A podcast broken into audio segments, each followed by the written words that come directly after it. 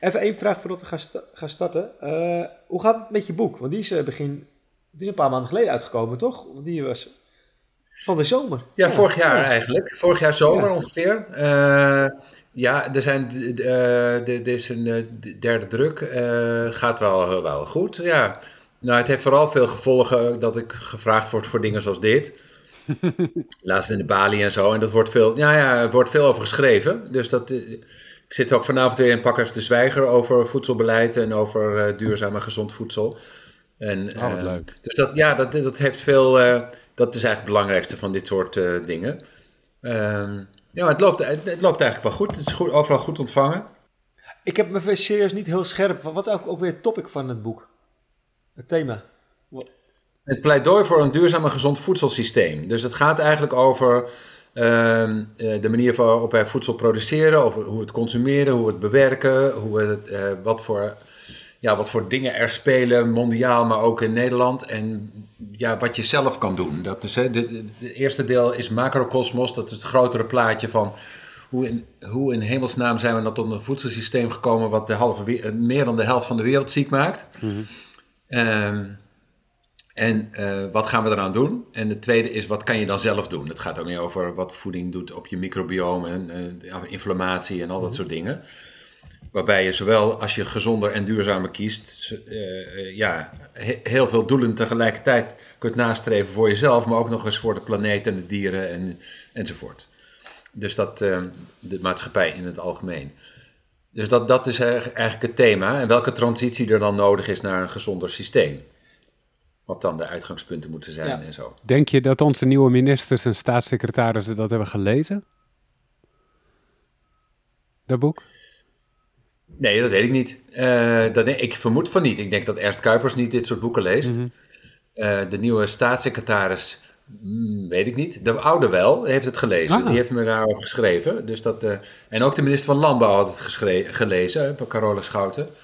Um, maar van de nieuwe ministers weet ik het nog niet. Ik weet wel, ik zit in een aantal commissies, uh, zoals de TAP-coalitie, de True Animal Protein Prize en dat soort dingen. En daar, ik weet dat we veel contact hadden met de, die meneer uit Groningen, die nu minister van Landbouw is. Ik ben even zijn naam kwijt. Maar uh, die, die ook erg in was voor zeg maar eiwittransitie en meer belasting op vlees en dat soort dingen. Om een transitie naar een gezonder en duurzaam voedsel te maken.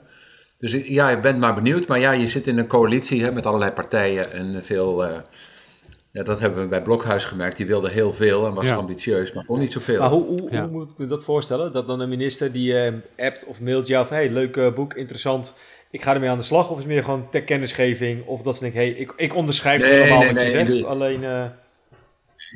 Ja, nee, de Blokhuis kende ik natuurlijk al langer. Die had ik ook al mijn vorige boeken gegeven. Die heb ik zelfs aangeboden toen aan hem. Maar ja, dat is... Uh, dus ik stuurde hem dat op en dan, uh, dank voor je boek, ik heb het met veel plezier gelezen, weet je wel, zoiets. Maar hij was toen al demissionair hè, en dat geldt voor Carole Schouten ook, dus dat, uh, ze kunnen dan niet meer zoveel. maar ja, het, ik, ik weet dat ook het speelt bij de, goh, dat was het nou toch laatst in de Amsterdamse gemeenteraad en Utrecht en zo, speelt het, spelen ook die discussies hè, rondom wat doen we lokaal dan. Ja. En ja, vreemd genoeg zijn er niet zo heel veel boeken waarin gezondheid en duurzaamheid en al dat soort dingen samenstaan. Mm Er zijn er wel hoor, er zijn, hè, er zijn Amerikaanse boeken van, en, en Engelse, Carolyn Steele bijvoorbeeld, hè, over uh, voedsel in de stad en zo. Maar uh, Nederlandse boeken zijn er niet zoveel. Nee. Nou ja, um, we gaan hem nog, nog lezen. Okay. We gaan beginnen. Arnoud, trap jij hem af? Yes. Oh, je hebt hem niet gelezen. Nou ja, wat is dat nou voor voorbereiding? Waar gaat je boek eigenlijk over? Ja, wat doet u eigenlijk? Ja. Dit mag je eruit knippen, Arnoud. Nee, nee maar ja, ik ben druk met mijn eigen boeken. Dat uh, heb ik helemaal geen tijd meer. ja, ja, ik snap het. Nee hoor, het is een geintje, een geintje, een geintje. ja, heel goed. Oké, okay, zeg maar wanneer je start. Hey, welkom. Of je was al gestart. Oh, ja. ja ik wou net beginnen, maar... Uh... Oké, okay, ja.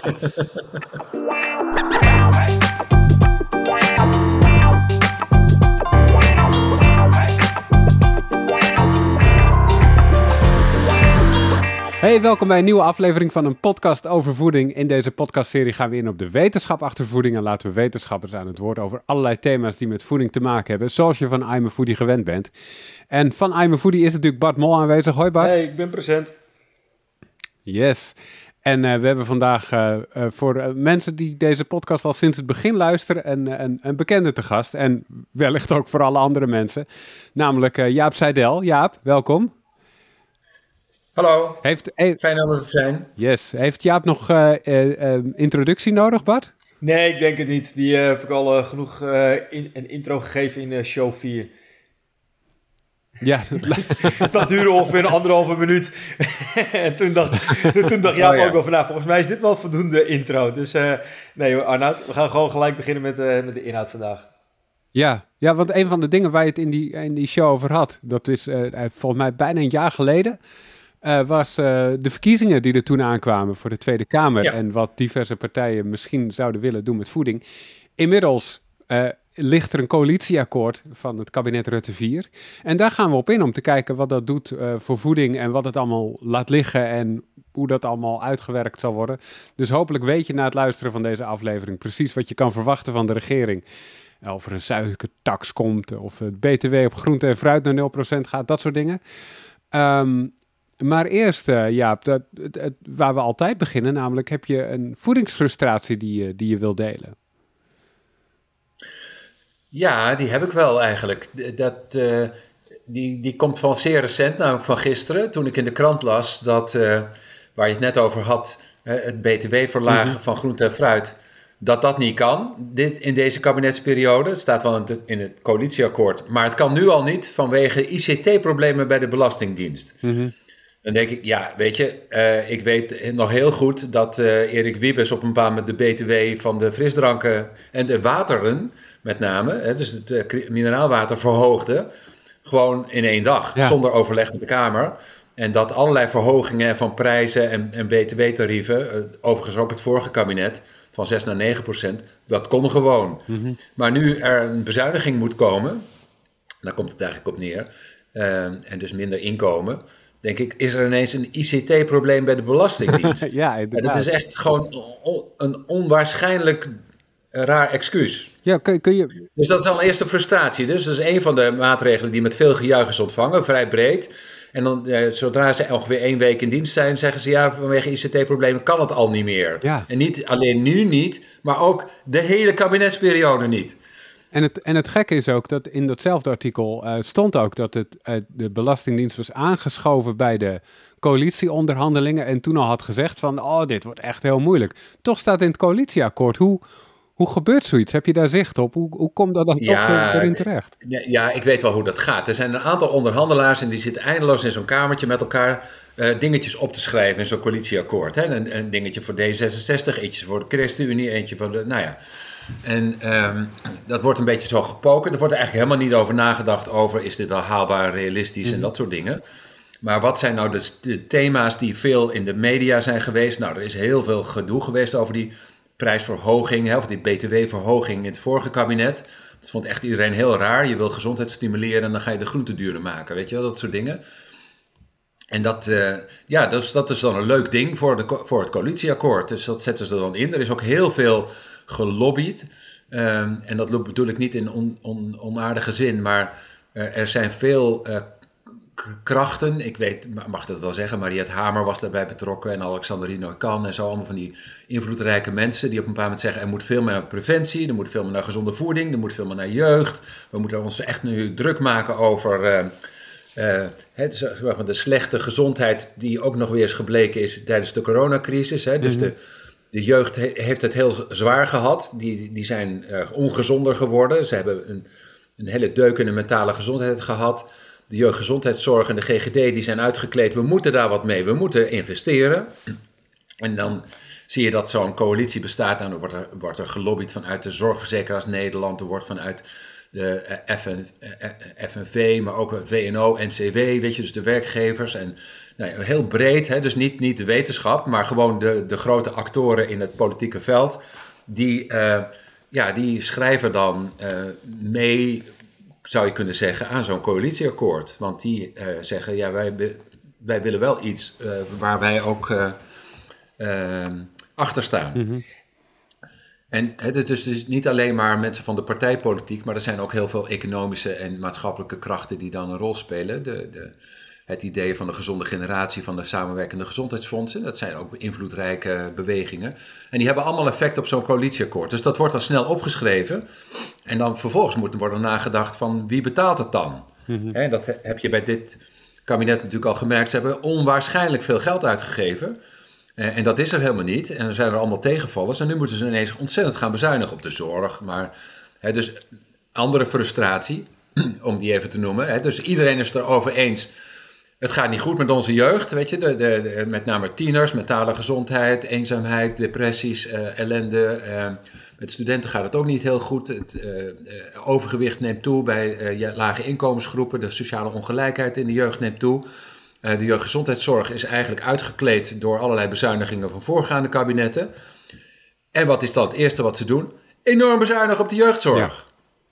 Ja, ja echt onwaarschijnlijk. Hè? Dus dat is, uh, ja, ik kan daar dus een beetje boos over worden, zoals je merkt. ik merk het, ja. Maar uh, ik heb ook, er zijn ook leuke dingen te vertellen, maar uh, ja, dat, dat, dan zie je dat in zo'n coalitieakkoord, dus niet, daar wordt snel opgeschreven.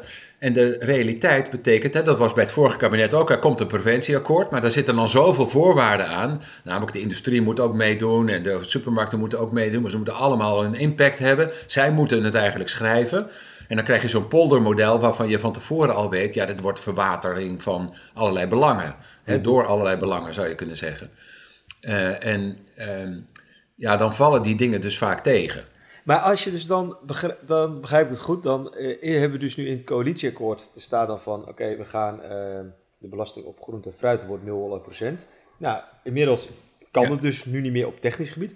Komen ze daarmee weg? Of uh, worden er nog bepaalde oppositie opgevoerd? Of heb je daar al iets over gehoord van hoe ja, dat toch ja. gaat? Want die dingen die je noemt, daar vind ik inderdaad ook stuitend. Ik denk van ja, een stijging, dat wordt binnen een, een dag wordt dat, doorgevoerd en voilà, het is er we willen het op een andere manier. Nou, het is een verkapte bezuiniging. Maar als dat, uh, als dat nu duidelijk is voor dit subgedeelte over voeding, wat betekent dat, dat voor het hele klimaatverhaal dan, waarbij ze een budget hebben van 35 miljard, betekent eigenlijk ook dat als ze dat wel hebben gezegd, joh, dat willen we doen, en dat we daar dan ook over twee maanden uh, krijgen te horen, oh ja, dat geld hebben we eigenlijk ook niet. We gaan dat, dat we weer even uit, Ja, dat, dat, dat zou zomaar kunnen. Hè? Dat ik, eh, ik, ik, las ook dat de, de, de, Hoge Raad hier een uitspraak had gedaan over de belasting over de box 3 of zoiets dergelijks. Dat dat nu al de, overheid 5 miljard gaat schelen. Die moet ergens uit, die, uit dat geld worden uh, weggehaald dan hè, weer. Dus dat, ja, dat, daar zit je natuurlijk dan uh, mee. Dus dat kan maar zo. Dat er heel veel van die plannen. Want er staan, als je ze goed leest, staat er ook. Wij gaan onderzoeken of op termijn, weet je wel, zoiets en dan weet je eigenlijk al van. Nou, het, is, het is nou, niet smart geformuleerd voor specifiek, meetbaar, acceptabel, realistisch, tijdgebonden. Dat, nee, daar nee. branden ze uiteraard hun handen niet aan. Want het staat me bij dat in, of in jouw show of in een andere show van afgelopen jaar, dat ook iemand toen noemde van dat Europees gezien kon het ook helemaal niet. Want het schijnt toch ook een EU-richtlijn te zijn dat op een B2 van 5%. Ja. Alleen dat is dan afgelopen september is dan weer een bepaalde stemming geweest, dacht ik, in het EU-parlement. Dat ze zeiden die, dat, we, dat ze toch weer naar de lidstaten teruggaan van je mag het misschien wel weer op nul zetten. Speelt daar nog ergens iets bepaalde ja, rol? Of is dat alweer... Nou ja, kijk, het, het, het wordt een technocratisch geneuzel eigenlijk hè, over btw-tarieven. Maar als je echt wat wil met prijsbeleid op het gebied van voedsel, dan kan je ook al heel andere manieren kiezen. Je kunt subsidies geven, je kunt uh, taxen, taxen heffen, hè, dus belasting heffen op producten. En dat is dan geen btw, maar gewoon uh, accijns dat kan je op alcohol doen, je kan het op sigaretten doen, je kan het ook op frisdrank doen wat mij betreft, of energiedrank of, zo, of koek en snoep. En je kunt daarmee groente en fruit subsidiëren. Je kunt een gezonde school eens gaan subsidiëren bijvoorbeeld. Dan heb je allemaal geen, ingewikkelde btw-tarieven nodig. En je ziet dat in landen zoals in Engeland, uh, met een heel conservatieve regering uh, weliswaar ook nog eens een keer, dat die in staat zijn om heel veel van dat soort maatregelen gewoon heel snel te nemen. Uh, zonder lange discussies over BTW en dat soort zaken. Want dat is inderdaad een heel eh, raar technisch verhaal. En ik, ja, dus die, die uh, als de achtergrond van zo'n coalitieakkoord niet is. We gaan het over BTW hebben, maar we gaan eigenlijk gezonde keuzes stimuleren en we gaan ongezonde keuzes proberen te ontmoedigen en dat kan dan niet via de, via de BTW. Nou, dan kan je bedenken hoe het dan wel kan. En dat, dat kan ook budgetneutraal. Je kan uh, ongezond eten of niet duurzaam geproduceerd voedsel zodanig duur maken dat je daarmee de gezonde, duurzame keuze kunt subsidiëren. En dan hou je netto hetzelfde over. En dan kun je nog eens lage inkomens wat ontzien als het, als het hun problemen oplevert of bepaalde sectoren waar dat dan ingewikkeld zit. Maar al meteen op te geven, zal ik maar zeggen, uh, uh, vanwege een ICT-probleem, dat, dat is niet, dat is geen visie. En gaat dat nu gebeuren? dat er andere maatregelen komen die dit vervangen? Nou ja, ik, ik hoop dat daar dus uh, oppositie over wordt gevoerd. Maar de oppositie is natuurlijk ook erg verdeeld hè, op dit soort thema's. Er is een deel van die oppositie die vindt dat de overheid veel te veel aan het betuttelen is en het ingrijpen en zich te bemoeien ja, hè, met de levenskeuzes van mensen. Of de, en er is een deel die vindt dat het veel verder moet gaan, maar ook dat is niet ook zeg maar aan de linkerkant zou je dat verwachten. Maar daar is ook niet een eensgezind uh, blok, zou ik maar zeggen, op dit terrein. Oké, maar dan kunnen we dus uh, stellen uh, over het punt van het, coalitieakkoord dat de belasting naar 0% voor fruit en groenten, ja, die gaat er in ieder geval niet op korte termijn komen. waarschijnlijk helemaal niet in deze regeer. Ja. Investeren in de jeugdzorg en jeugdgezondheidszorg, dat zal ook een ingewikkelde verhaal worden. En ehm, verder staan natuurlijk wel goede dingen in. Bijvoorbeeld zo'n suikertax is dan wel geen btw-ding, maar gewoon een accijns. Mhm. Dus dat, dus dat, levert weer extra geld op, zou je zeggen, toch? Ja, maar dan moeten ze, dat, moeten ze dat niet verkeerd gebruiken. Hoe werkt zo'n suikertax in de praktijk? Oh, nou, ik kan je vertellen hoe dat in Engeland gaat. Hè? Dus, eh, dat is een goed voorbeeld. Dus de suikertax die is zodanig dat hoe meer suiker erin zit, hoe hoger de tax. Ze hebben geloof ik drie tarieven of zoiets dergelijks. Uh, wat het gevolg daarvan is in Engeland geweest, is dat uh, de producenten al voordat het werd ingevoerd al hun suiker uit hun producten hebben gehaald. Uh, best wel aan, aanzienlijke hoeveelheid. En dat consumenten ook anders zijn gaan kiezen. En dus dat de suikerinname door suikerhoudende dranken is ah. gedaald. De totale suikerinname is weer een ander verhaal, want ja, er is ook nog snoep en allerlei andere dingen. Maar Ehm, eh, die frisdranktax of die suikerhoudende drankentax heeft daar wel gewerkt. En het geld wat dan als inkomen werd uh, verdiend, dat zouden ze gebruiken. Of het werkelijk gebruikt is, weet ik niet, maar dat staat in het plan. Om uh, activiteiten te doen op scholen die de gezondheid van kinderen ja, stimuleren. Of gunstig beïnvloeden. En dat, ja, dus dat is een tax die goed uitgewerkt is en ook goed geëvalueerd is. Eh, maar het is niet de oplossing. dat weten we ook. Het, het, eh, aantal kinderen met obesitas in Engeland is tijdens, tijdens de coronacrisis eh, enorm weer toegenomen. dus een suikertax is niet een panacee van alle maatregelen waar ik zelf altijd een pleidooi voor ben. Zo'n integrale aanpak en je moet op allerlei niveaus van allerlei dingen doen. En als je daar dan, dat is een beetje uh, mijn metafoor van de zandzakkenmuur. Hè? Je hebt een zandzakkenmuur nodig om die golf van obesitas tegen te mhm. houden. En dan ga je zeggen, welke zullen we daar een paar zakjes uitkiezen die we daar dan uh, voor gaan gebruiken? Ja, dan werkt het niet. Hè? Dus, dat is, uh, dus een suikertax alleen heeft een klein effect. maar het moet een onderdeel zijn van een veel breder, beter, bredere visie op het gebied van voedsel en prijzen en beschikbaarheid en samenstelling en dat soort dingen. En als je dat niet breder trekt, dan is een suikertax dreigt dan een symbool te worden van, ja, maar we doen toch wat.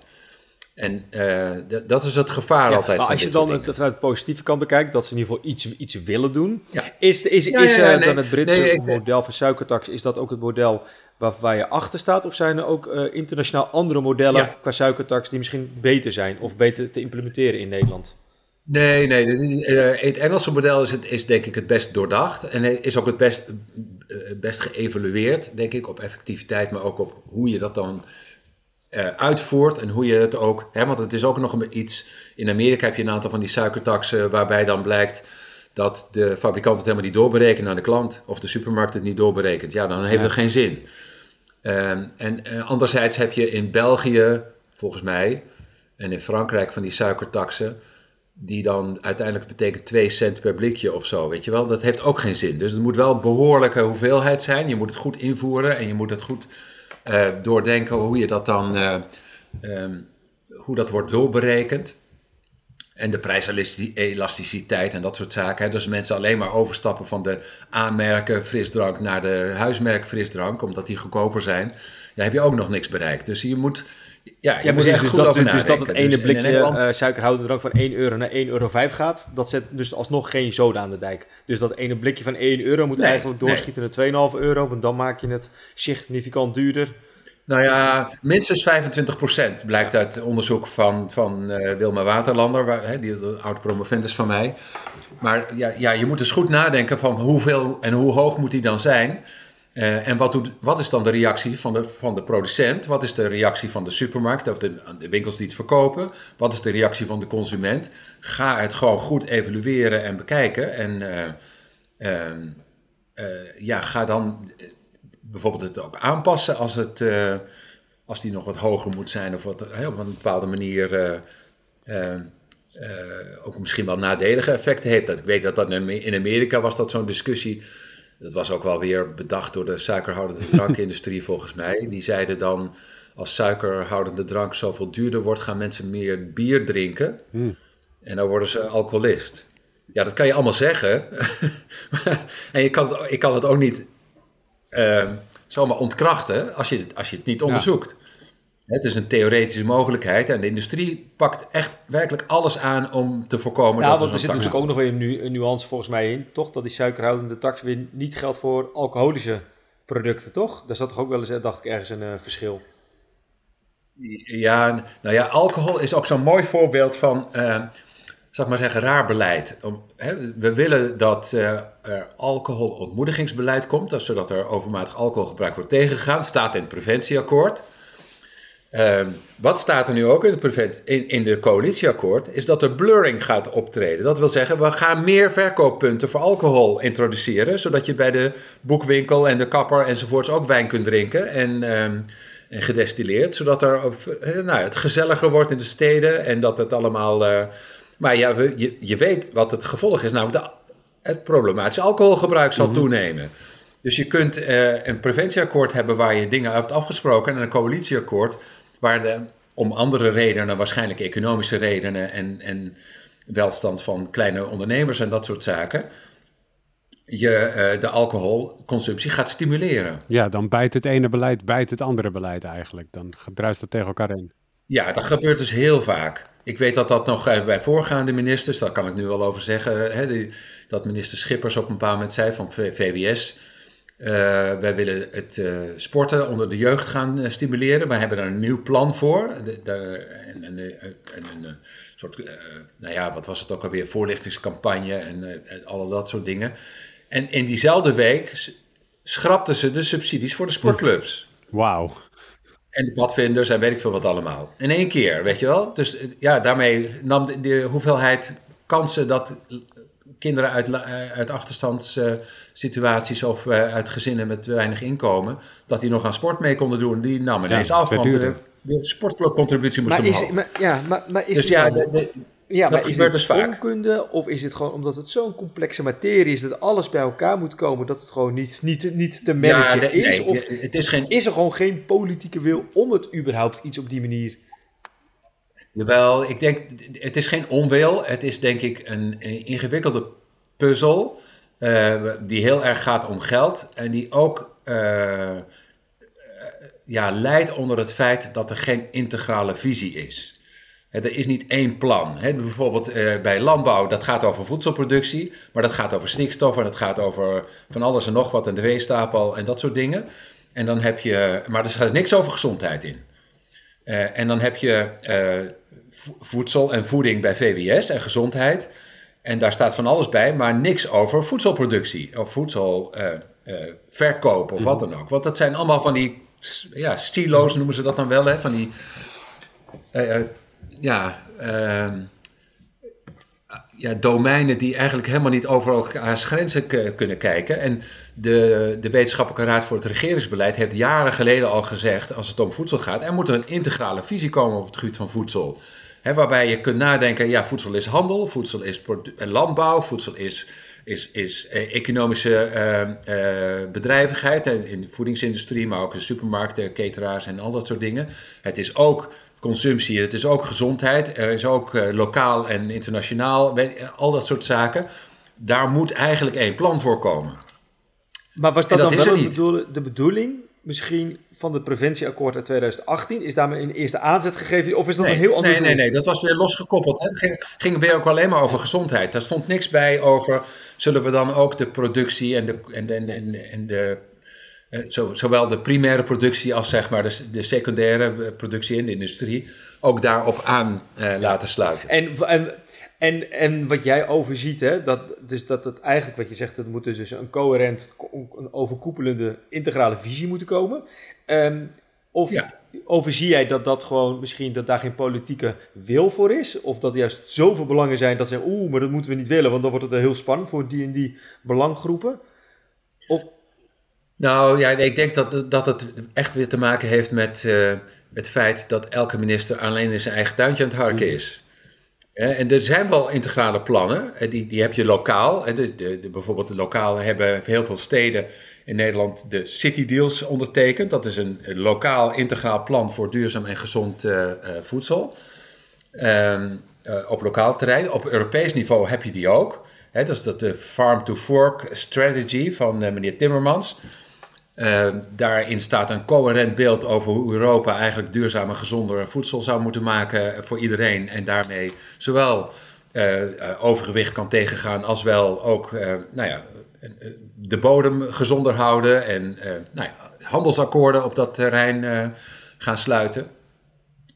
alleen op een landelijk niveau, dus de schakel tussen Europees en lokaal, dat mhm. mist. Want een landelijke voedselvisie, die is er niet. Nee, dus we moeten eigenlijk opteren voor een nieuw, nieuw kabinet. Dat er dus zo'n minister voor yes. integraal voedingsbeleid is. Die dus, dus dat moet...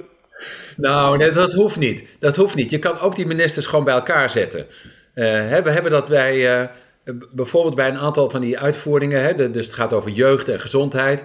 Dan heb je dus, en, onderwijs, hè, dus uh, voedseleducatie en maar ook uh, gezonde schoollunches en de gezonde school, basisschool van de toekomst, dat soort zaken. Ja, dan heb je dus VWS nodig en je hebt OCMW nodig, hè, onderwijs, uh, cultuur en wetenschappen.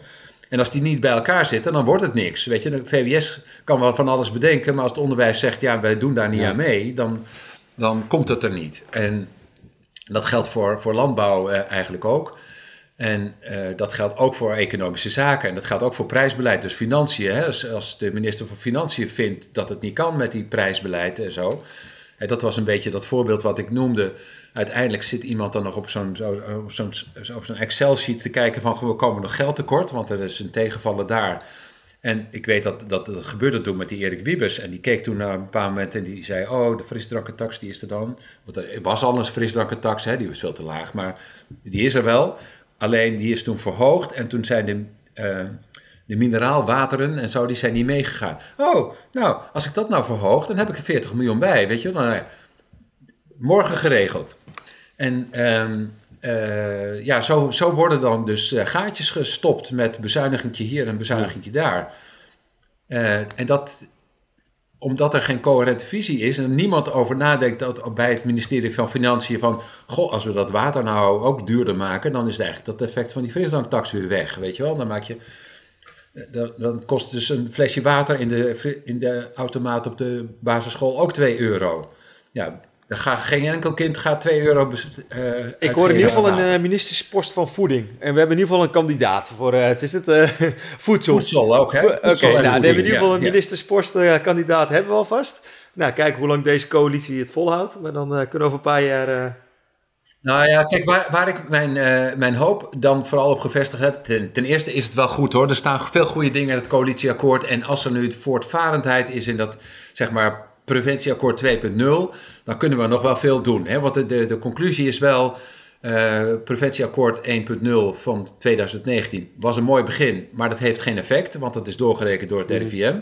dus dat, de ambities zijn oké, maar de, de maatregelen die schieten tekort. Uh, als de ambitie is, dan moeten we dus nu versneld en intensiever aan die uh, ambities van het preventieakkoord gaan werken dan heb ik daar wel goede hoop dat, uh, op dat daar nog wel goede dingen uit voortkomen. Omdat er ook een heleboel van die partijen die eerst de boot afgehouden hebben, zoals supermarkten en cateraars en dergelijke, inmiddels wel een beetje hmm. om zijn en zeggen: ja, we moeten echt wel dingen gaan doen. En dat geldt ook voor het onderwijs. Het onderwijs wilde eigenlijk nooit echt heel erg meedoen. Maar nu ook uitgerekend is dat uh, de gezonde basisschool van de toekomst uh, niet alleen meer beweging en, en gezondere voeding oplevert, maar ook minder pestgedrag en betere schoolprestaties en betere hè, ouders zijn meer tevreden, leerkrachten zijn meer tevreden enzovoort. Ja, dan op een paar moment heb je dan ook geen enkel argument meer om het niet te doen. Inderdaad. Dus er is ook, om, eh, om, om, om, daar of, uh, op in te haken, ja, uh, want ik had het ook even door, doorgekeken, dat het Nationaal Preventieakkoord is dus in 2018 is, is dat akkoord gekomen. En het RIVM heeft dus uh, afgelopen juli 2021 hebben ze daar dus eigenlijk een analyse op losgelaten dat er dus 39 uh, eh, doelen waren gesteld en dat er slechts 13 waren behaald van dat preventieakkoord. Toch? Dat is wat ik had uh, gelezen. Ja. Um, maar die 13 die wel gehaald zijn, zijn dat ook hele belangrijke doelen of zijn dat echt ja, het laaghangend fruit om even in deze, in deze thematiek te blijven, zijn dat de hele simpele dingen die je, ja, de, dat, dat was echt een zo makkelijk doel, die hebben we binnen een week al gehaald. Nou ja, sommige van die doelen die waren eigenlijk al gehaald voordat ze opgeschreven waren. Maar, dus het zijn natuurlijk wel de makkelijke doelen die het eerst gehaald worden. Maar wat veel belangrijker is, is dat het RIVM de effectiviteit van die maatregelen op de lange termijn ook had doorgerekend. En de lijntjes overgewicht die eh, zouden stijgen wanneer je niks zou doen, ja, die blijven even hard stijgen wanneer je die maatregelen allemaal uitvoert. Dus je kunt die maatregelen wel realiseren, maar als ze niet effectief zijn, dan moet je toch wat meer doen. En dat is natuurlijk ook wat het RIVM heeft geconstateerd in een rapport van vorig jaar, waarin staat. Ehm, als je die ambities wel wil halen, moet je wel uit een ander vaatje tappen, overheid. Want dan moet er echt wel meer gebeuren. En daar staat een hele reeks van maatregelen in die effectiever zijn dan wat er nu in het, preventieakkoord zijn, staan. En het zou natuurlijk heel goed zijn als die nu op tafel komen uh, bij de voortgezette onderhandelingen over een preventieakkoord 2.0. Wat is de status daarvan, van het preventieakkoord 2.0? Hoe ver is men? Nou ja, er staat eigenlijk uh, dat er in het regeerakkoord dat er grotere stappen en de intensievere stappen moeten worden gezet ten, ten einde er meer, hè, meer te doen aan preventie en gezonde leefstijl. Met name gericht op de jeugd, maar ook op voor volwassenen. En dat, uh, uh, ja, dat zal dus terugkomen in het preventieakkoord. Dat is niet opgeheven. Het preventieakkoord was niet zo van 2018 is het mm klaar. Uh, maar zoals Blokhuis zegt, nee, dit is het begin.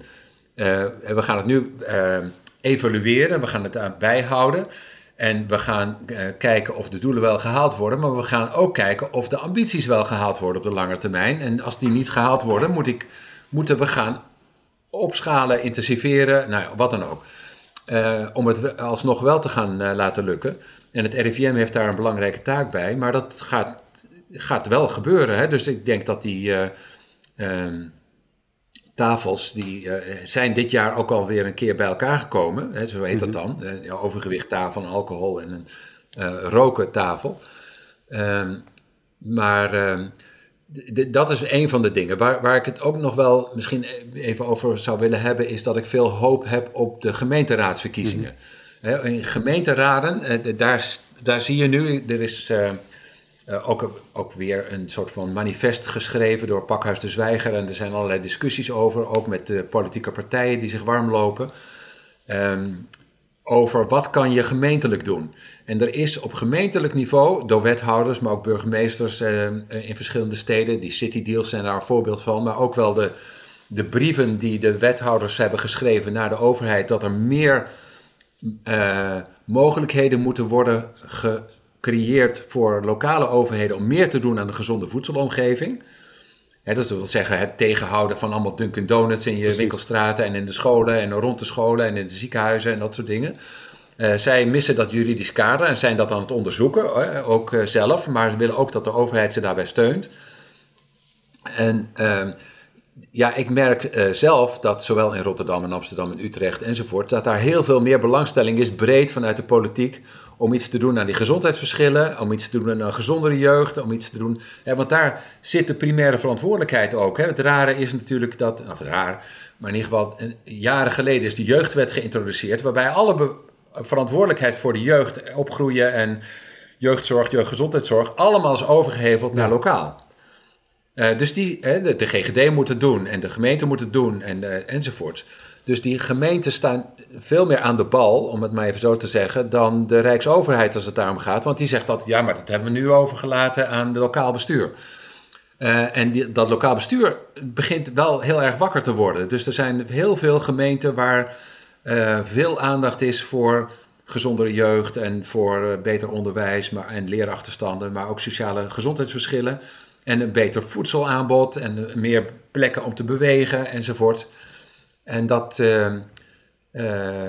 maar het, het, het, het probleem is natuurlijk dat de overheid bij dat overheven naar die verantwoordelijkheid, sinds die tijd, en daar hou je André, hoor je André Rauwvoet nu eh, namens de GGD in Nederland eh, ook over, eh, eh alleen maar bezuinigd heeft mm. op die eh, lokale jeugdgezondheidszorg en gezondheid en jeugdzorg. Ja, verkapte bezuiniging dus ook weer. Maar hoe, hoe groot is de... Ja, niet eens verkapt meer eigenlijk. Gewoon een bezuiniging.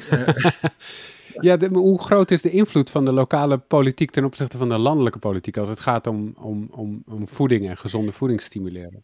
Ja, nou ik vermoed eigenlijk gezien de slagkracht van die lokale gemeentes en ook de, de, hoe dichter ze bij de, buur, uh, de burgers staan, maar ook de buurten hè, waar problemen zijn. Dat speelt op landelijk niveau wel, achterstandswijken en sociale verschillen. Maar ja, weet je, dat is iets. Je hebt uh, Zuid-Limburg en je hebt Noord-Groningen mhm. en je hebt uh, grote steden. En nou ja, ja, daar kan je landelijk niet wat aan doen.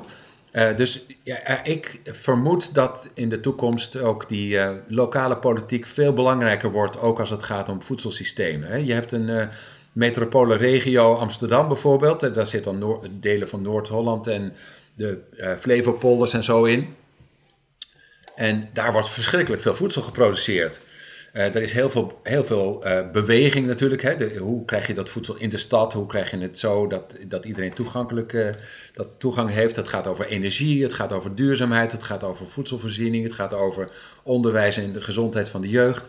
En daar staat een lokale overheid vaak dichterbij. En dat heeft deels ook mee te maken dat in een aantal gemeentes ehm, die wethouders hele diverse portefeuilles hebben. Ik weet dat eh, de minister van, uh, of de minister, de wethouder hè, Erik van den Burg, die nou minister is van asielzaken, dat hij eh, in zijn portefeuille had Schiphol, sport, gezondheid en economische zaken. Zoiets, weet je wel. Zo, nou, ja, dan heb je dus dan heb je niet alleen maar dat dingetje van landbouw of zoiets, of van duurzaamheid, maar je hebt gewoon een brede portefeuille. En wat ze ook heel vaak hebben, is dat zo'n wethouder verantwoordelijk is voor één wijk dat weet ik dat in Utrecht is. Een wethouder heeft dan ook of Kanaleiland of uh, Overvecht of uh, uh, Al of wat dan ook.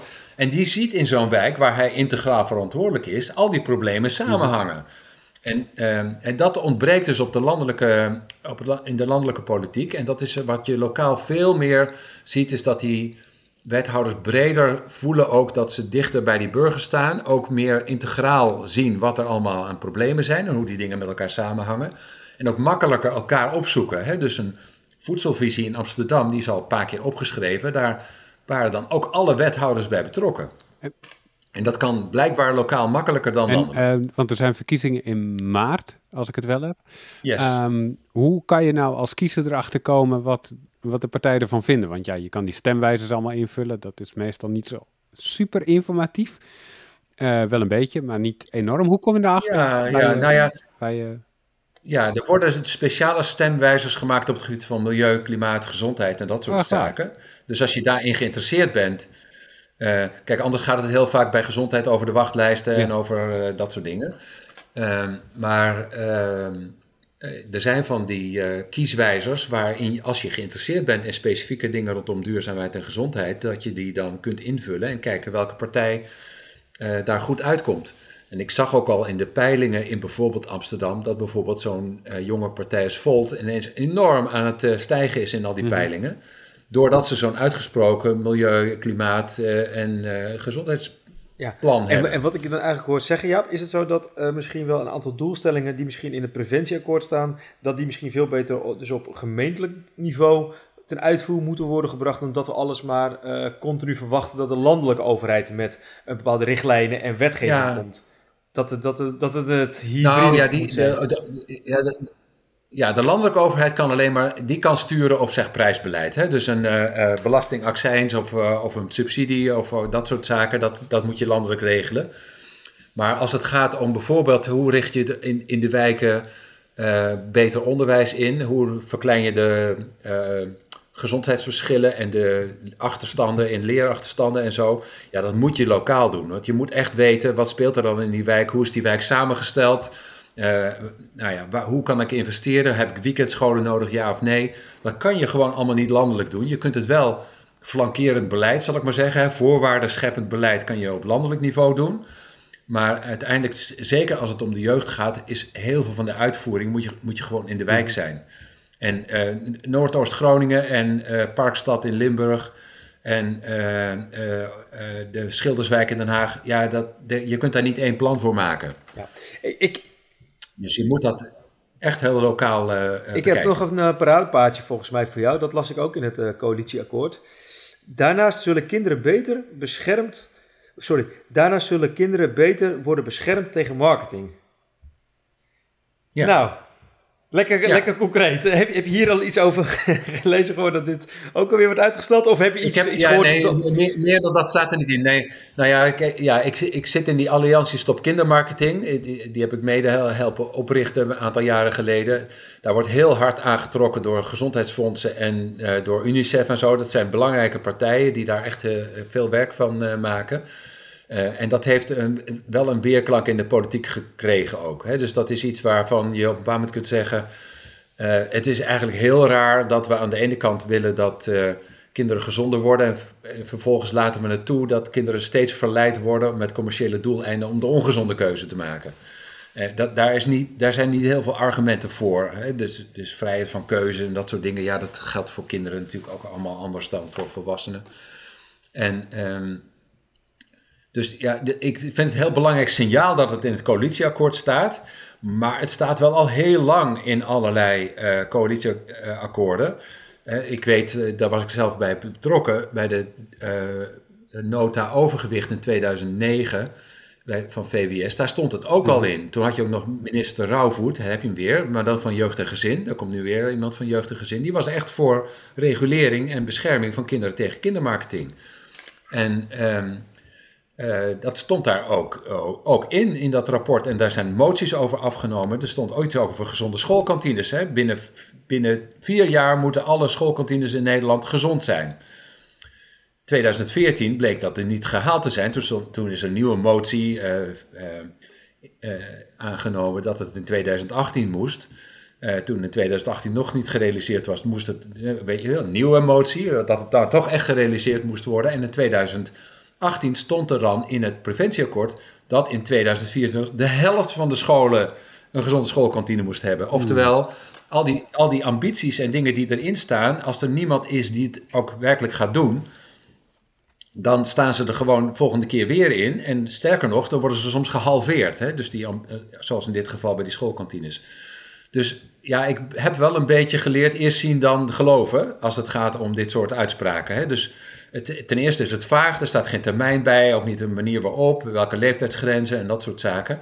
Dus ik, ik kan je wel vertellen, misschien moet ik, dat niet, moet ik dat niet zeggen nou, maar ik ben met juristen bezig of we niet gewoon uh, dit kunnen afdwingen bij de oh. overheid.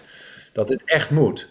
Um, uh, want er zijn allerlei uh, juridische gronden, zoals rechten voor het kind, maar ook de, de, de, in de grondwet staan ook zaken dat de overheid moet zorgen voor een gezonde omgeving. Ehm, en uh, ja, dus dat, dat, dat, dat moet veel concreter, het moet sneller en het moet doortastend worden aangepakt. En dat moet niet op de lange baan geschoven worden. En uh, moet ook zelf, zeker niet op zelfregulering uitdraaien. Want dat is een beetje. Nou, kijk ik dus even terug naar 2009. Waar is het dan uiteindelijk op uitgedraaid? Waarom zijn die dingen niet gerealiseerd? Hè? Dat, uh, of grotendeels niet gerealiseerd. Nou, omdat de industrie zelf mocht bepalen wat dan kindermarketing ah, was en hoeveel ze eraan gingen doen. En uh, ja, dan kiezen ze er een paar dingen uit, zoals televisiereclames voor ongezonde mhm. voedsel. Of de, hè, bijvoorbeeld het wel of niet uh, voetballers mogen laten aanprijzen van chips en dat soort zaken. En die gaan dan goed. En dan, dan wordt dan met veel bombardie wordt dat naar buiten gebracht. Maar ondertussen is het verschoven naar internet en naar influencers. Precies, en, Instagram en al dat soort dingen. Daar, daar, daar, geldt het weer niet uh, voor. Dus voor... Ja, en dat, en dat, maar dat, dat gold dan weer niet, weet je wel. Dus dus je moet dan wel echt een plan hebben waar je zegt over alle media en over alle, weet je, en het gaat dan niet verschuiven van, van ik zou maar zeggen, zoals dat het dan mooi noemt, licensed characters, hè, van Mickey Mouse, Mickey Mouse naar een uh, getekende dino uh, of een teddybeer. Want ja, dan is het nog steeds kindermarketing. Hè, en UNICEF heeft laten zien vorig jaar dat als je kijkt naar alle producten die gemaakt worden voor kinderen, dus reepjes, toetjes, uh, koekjes, drankjes en, en tussendoortjes enzovoort. Er zijn een enorme hoeveelheid, duizenden en duizenden producten die speciaal gemaakt zijn voor kinderen. Die staan allemaal niet in de schijf van vijf.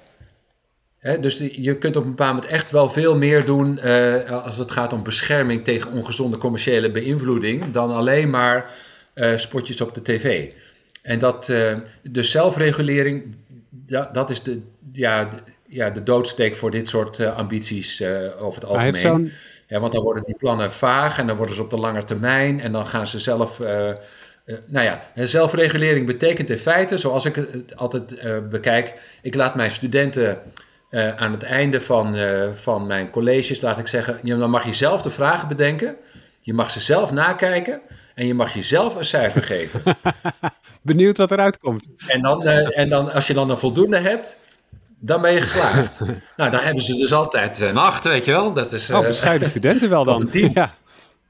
Ja, nou ja, maar, maar zo doen we dus met de industrie. He, als je zelf zelfregulering zegt, nou, ga je zelf dan uh, uh, aangeven wat je wil gaan doen, hoe je het wil gaan doen, wat je er wel onder laat vallen en wat niet. Uh, um, of je dan wel of niet geslaagd bent in je doelstellingen. En daar komen prachtige ronkende rapporten uit van, goh, we hebben weer ontzettend ge, veel gedaan op het gebied van tegengaan van kindermarketing. Maar als je dan Foodwatch of UNICEF of zo een keer een analyse laat maken van de kindermarketing in Nederland, dan zie je dat het nog gewoon nog steeds overal is. Maar heeft zo'n zaak kans van slagen? Want je zegt, kijk met juristen of het dit ja, ja, ja, zeker. Er is een verbod op kindermarketing in heel veel landen. Dus dat kan, dat, natuurlijk kan dat. Je kan niet helemaal, je hoeft ook niet kinderen helemaal te beschermen. hè? Je hoeft niet langs elk slootje een, eh, een, een, hoog hek te zetten, zodat ze er nooit invallen, bij wijze van mhm. spreken. Maar eh, je kan wel die enorme, eh, indringende hoeveelheid marketing gericht op de jeugd, kan je wel heel veel minder. Uh, reclame zou ik het maar willen noemen. En daar zijn zeker mogelijkheden en voor. Doordat je al tientallen jaren al mee bezig bent, Jaap, maakt het je, je niet door de jaren heen cynischer of juist strijdvaardiger? Of hoe, hoe sta je er gewoon als persoon in? Ja, nee, ik, ik, ik, blijf altijd strijdvaardig. En ik zie ook wel dat er heel veel gebeurt. Hè? Dus uh, met, met name op lokaal niveau moet ik zeggen. Hè? Dus uh, landelijk niveau is altijd heel ingewikkeld. Want het gaat over coalities, het gaat over draagvlakken, over Tweede Kamer en stemmingen. En het gaat over, nou ja, heel moeilijk van elkaar, bij elkaar brengen van allerlei soorten van domeinen. Zoals uh, verschillende ministeries en zo. Maar uh, ik zie vooral heel veel vooruitgang op lokaal denken. dus dat uh, als ik zelf kijk naar wat er in de afgelopen twaalf jaar gebeurd is in Amsterdam en in Utrecht en in Rotterdam. op het gebied van uh, meer aandacht voor, voor jeugd en voor gezondheid en gezonde voedselomgeving. en meer integraal denken over landbouw en lokale landbouw en, en duurzaamheid. Ja, dan gebeurt, is er wel echt heel veel gebeurd. Dus dat is denk ik goed ook überhaupt dat er landelijk aandacht voor is. Hè, want er staat nu iets in het coalitieakkoord. Heel veel meer dan ooit tevoren. Uh, en dat was weer meer dan het preventieakkoord van de vorige. Dat stond, er toen ook voor het eerst in. En voor het eerst een staatssecretaris op het gebied van preventie en voeding en zo.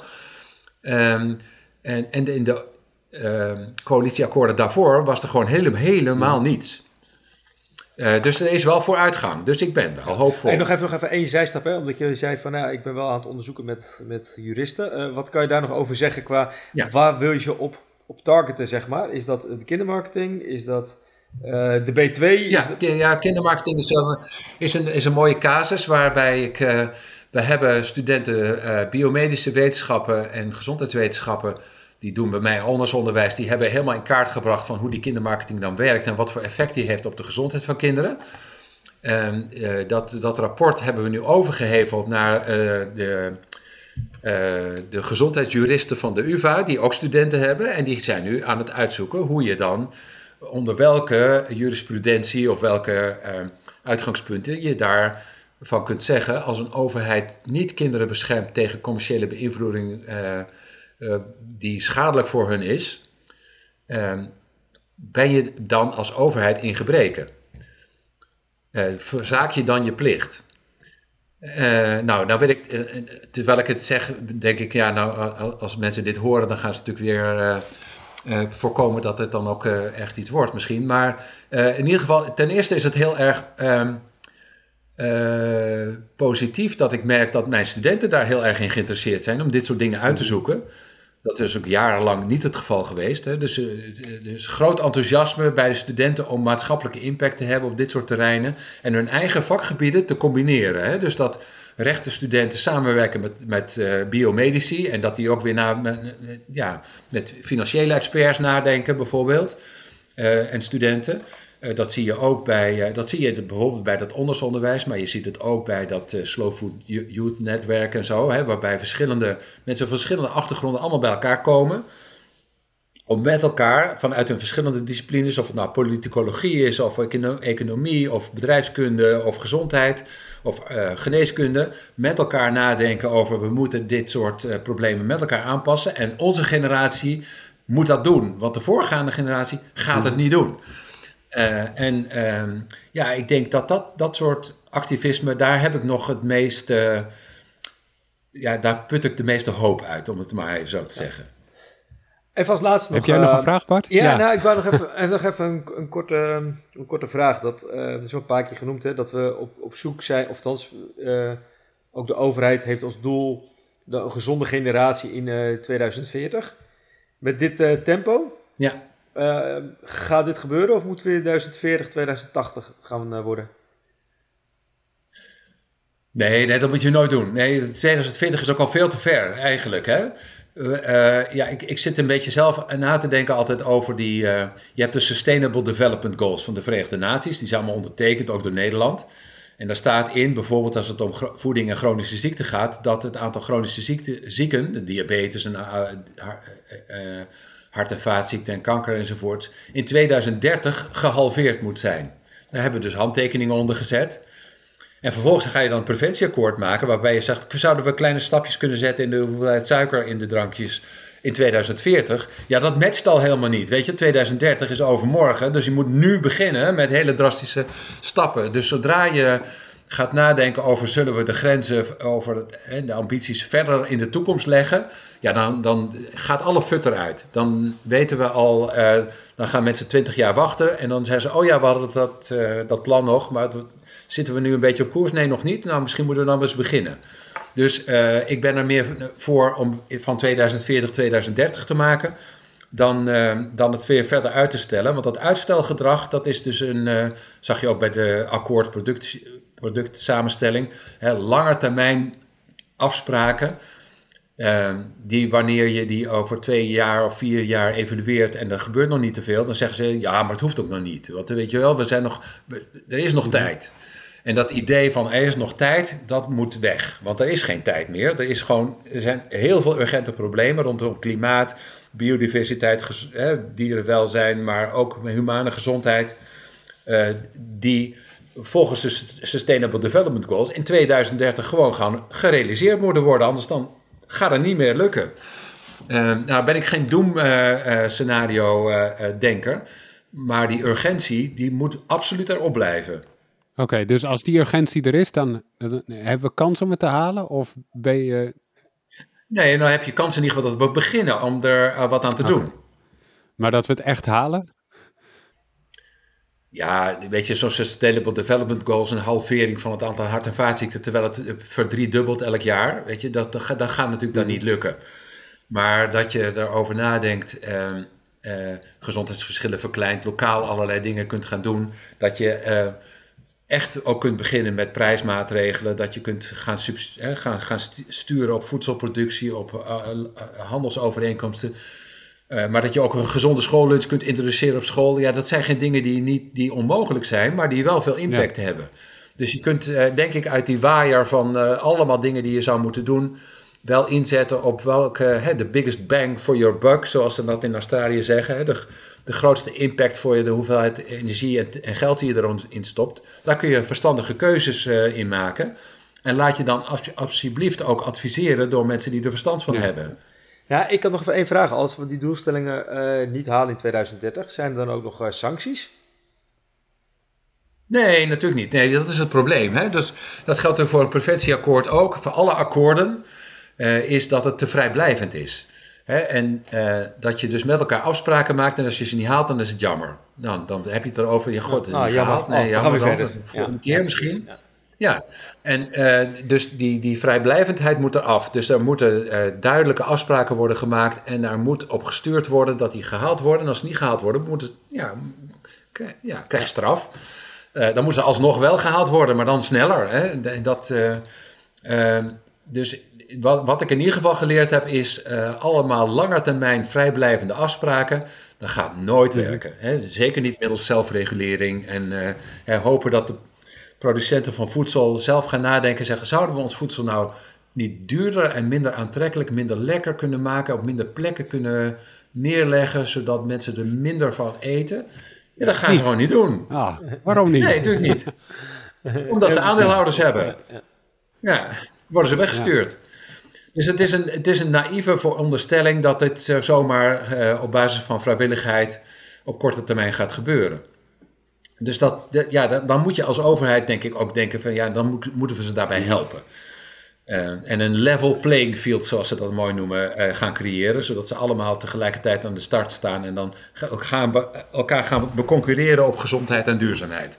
Dat zou een mooie stap zijn. Nou, we gaan dat lijkt me mooie uh, plekken. Ja. Sorry, ja, ik wou zeggen, Arnoud, volgens mij moeten we Jaap gewoon volgende keer weer in de, de show hebben over als deze, deze coalitie knalt of uit elkaar spat, dat we dan weer met elkaar zitten en misschien over vier jaar. Of er is een nieuw preventieakkoord. Dat kan ook. Ja, ja, dus ik wil wel gezegd hebben, ik ben positief over het coalitieakkoord. Ik maak me zorgen over de uitvoerbaarheid en de concreetheid daarvan en de termijn. Uh, maar ik heb vooral heel veel... Uh, eh, hoop op zeg maar, de lokale verkiezingen en de daadkracht die daar is. Check, die staat genoteerd. Hey Bart, heb jij tot slot van deze aflevering nog eh, dingen vanuit I'm a Foodie die je eh, wil meegeven? Nee, eigenlijk niet. Nee. nee, nee, nee, nee, nee, nee, nee, nee, dit is onze ongegeneerde verkoopmoment. moment. dus nee, ik zal denk ik even de link van uh, Jaapse boek zal ik ook even in de show notes zetten. Dan. Ehm, mhm kunnen de luisteraars dat ook misschien uh, uh, kijken, lezen, kopen. Het is ook, uh, ook leuk en aardig. Ja, en, en, de mensen weten wel dat wij zelf ook het is het zes boeken hebben geschreven. Boek nummer 7 die komt in maart uit. Eet als een expert mini. Die gaat van geboorte tot twee jaar. En die komt dus in maart uit. Ja. En ja, dat is echt wel een supergoed boek. Of vind ik het zelf? Zeg ik het zelf? Ja, ik ben, ik ben een fan, Bart. dank je, dus dank je. Kijk, dit kan je achterop zetten, Bart. Ah ja, dan moeten we misschien eh, even doen, nog even nog een, met een uh, dingetje erbij. Uh, endorsed door Jaap. Nou, dat... Uh, precies, ja. Ik zou je nog even vragen, Jaap. Dus komt goed. Oké. Okay. Dank je wel. Rest, yes, rest mij nog om te zeggen, vind je deze podcast leuk? abonneer je dan, laat even een rating of een recensie achter. Als dat kan in je podcast hebt, dat helpt ons ook weer dat meerdere mensen ons kunnen vinden. Dankjewel Jaap. Ja, graag gedaan. En dankjewel Bart. Keer. Ja, ja zeker. Dank. Zeker tot de volgende keer. Ik ga je nog een keer vragen, Jap. Oké, tot ziens. Oké, okay, bedankt voor het luisteren. Tot de volgende keer. Hoi.